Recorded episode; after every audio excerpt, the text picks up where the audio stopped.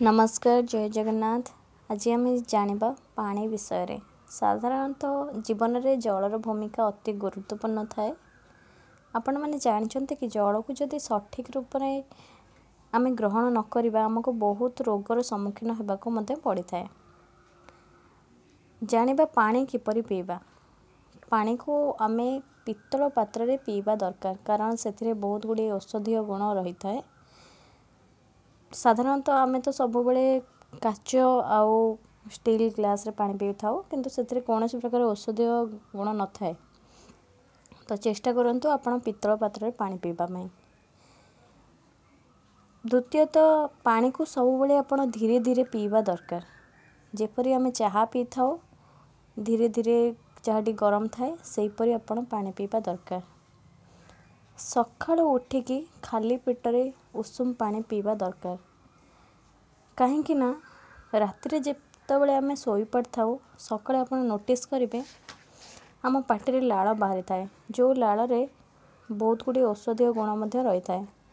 ତ ଯେତେବେଳେ ସକାଳେ ଆମେ ଉଷୁମ ପାଣି ପିଇଥାଉ ସେ ଔଷଧୀୟ ଗୁଣ ଗୁଡ଼ିକ ପାଣି ମାଧ୍ୟମରେ ଆମ ପେଟ ଭିତରକୁ ଯାଇଥାଏ ଆଉ ବହୁତ ଗୁଡ଼ିଏ ରୋଗରୁ ଆମକୁ ରକ୍ଷା କରିଥାଏ।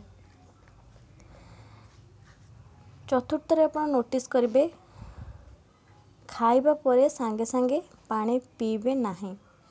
ଖାଇବା ପୂର୍ବରୁ ଆପଣ ପନ୍ଦର ମିନିଟ୍ କିମ୍ବା ତିରିଶ ମିନିଟ୍ ପୂର୍ବରୁ ପାଣି ପିଇପାରିବେ କିନ୍ତୁ ଖାଇବା ପରେ ପାଣି ପିଇବେ ନାହିଁ। ଖାଇବାର ଏକ ଘଣ୍ଟା ପରେ ପାଣି ପିଇବେ।